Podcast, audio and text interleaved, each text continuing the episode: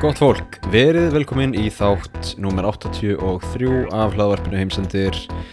E, Heilsar hér frá Tokyo, Japan og við erum í góða málum, það er komið sumar svo sannarlega. E, Mér er sveitt, ég er heitt, mér er heitt og ég er sveittur á bakinu. E, Ég held að sé á fjórða ból í dag.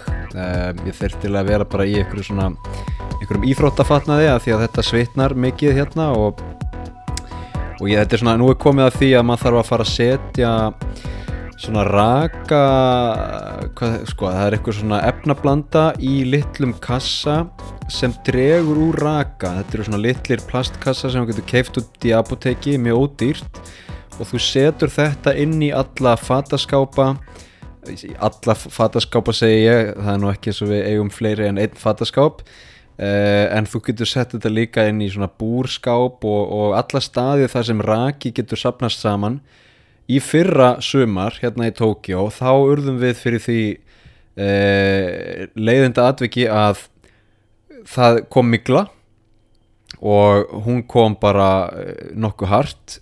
Hálfur fataskápurinn okkar miklaði við náðum nú að bjarga flestu með því að þvó og þvó aftur og svona en um, hér er rakin það mikill að ef maður einhvern veginn gleymir sér í smástund þá, þá er hálfur, hérna, hálf íbúðin orðin mikluð þannig að það er búið að kaupa nokkara svona rakakassa ég er með uh, loftræstingu uh, loftkælingu og það er þetta að stilla hana á dry mode sem þýðir bara það að það er verið að fjarlæga raka.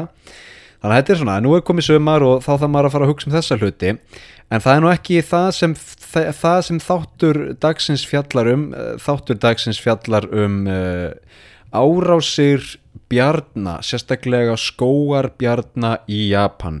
Og ég ætla að taka fyrir uh, verstu árás versta dæmið alvarlegasta uh, hræðilegasta dæmið um svona árás í Japan.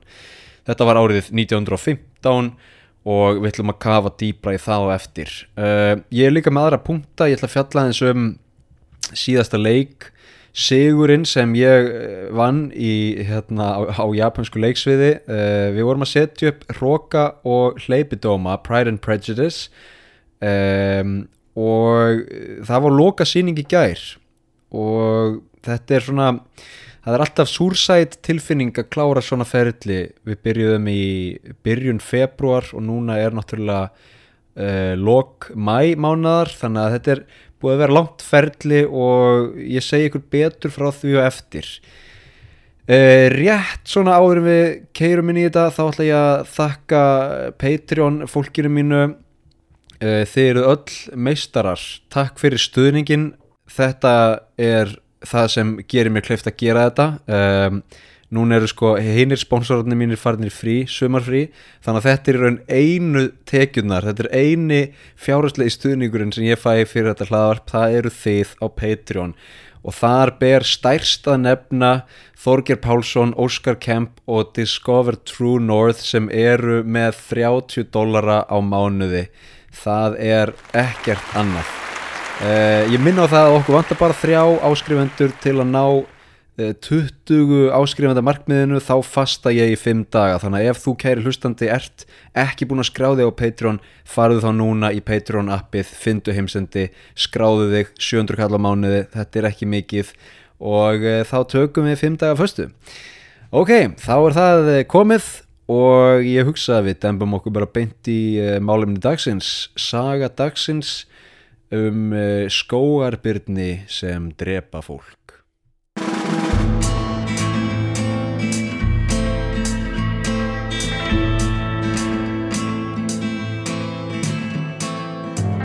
Byrjum á ingangi.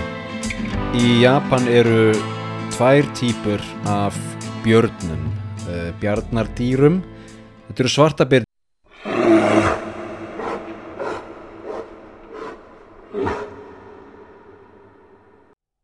Kæri hlustandi.